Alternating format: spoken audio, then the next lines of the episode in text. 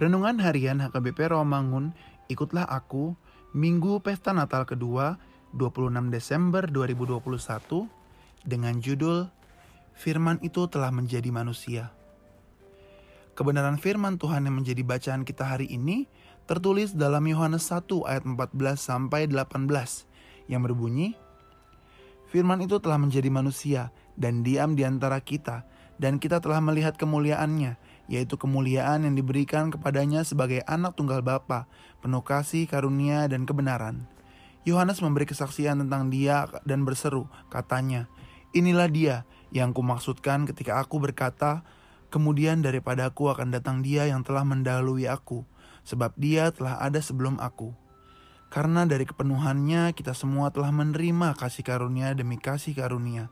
Sebab hukum Taurat diberikan oleh Musa, tetapi kasih karunia dan kebenaran datang oleh Yesus Kristus. Tidak seorang pun yang pernah melihat Allah, tetapi anak tunggal Allah yang ada di pangkuan Bapa, dialah yang menyatakannya. Demikian firman Tuhan. Mungkin ada pertanyaan dalam pikiran Anda, siapakah atau apakah firman itu? Firman Tuhan hari ini memberikan jawaban bahwa firman itu telah menjadi manusia dan diam di antara kita. Karena hal ini, setiap orang bisa mengetahui dengan pasti bahwa firman tersebut adalah Yesus. Tetapi mengapa Yesus disebut firman? Allah mengirim Yesus dengan tujuan supaya pesan-pesannya diketahui oleh manusia. Melalui Yesuslah kita mengetahui hal-hal yang ada dalam hati Allah, yaitu melalui pengajarannya, tindakannya, dan terutama dari sifat-sifatnya. Yesus itulah penggenapan pesan Allah, bahkan Yesus itulah pesan Allah sendiri, yaitu firman-Nya. Allah yang disaksikan di dalam Alkitab adalah Allah yang menyingkap dirinya sendiri, berbicara sebagai dirinya sendiri kepada manusia, dan bertindak sebagai Allah atas mereka. Allah yang menyatakan dirinya sendiri tersebut adalah Allah yang penuh kasih dan menghadirkan dirinya kepada manusia.